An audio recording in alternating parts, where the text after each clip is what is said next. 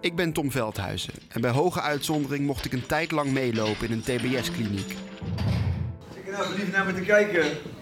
Je bent aan het flirten met me, hou op. Ik ga een lekker zakje chips halen. Wij zijn, wij zijn gewoon mensen, weet je. Ik bedoel... De TBS-kliniek, een plek waar sterke meningen over bestaan. Het is allemaal te duur. Een kogel eh, zou de ma- meest makkelijke optie zijn. Maar hoe gaat het er nu echt aan toe binnen die veelbesproken muren? Nou, ik denk dat er meer gekken buiten rond te lopen dan hier binnen hoor. Nou, omdat niet alles eh, vast wordt gezet en niet alles in behandeling wordt gezet. Ik loop eh, in mijn eh, waanzin loop ik de woonkamer in en ik, eh, ik schiet haar dood. Tot drie keer toe.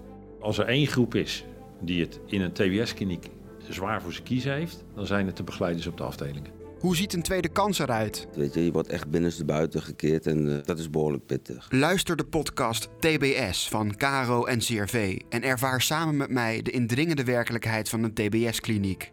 Ga naar nporadio1.nl forward slash podcast of download hem in je favoriete podcast-app.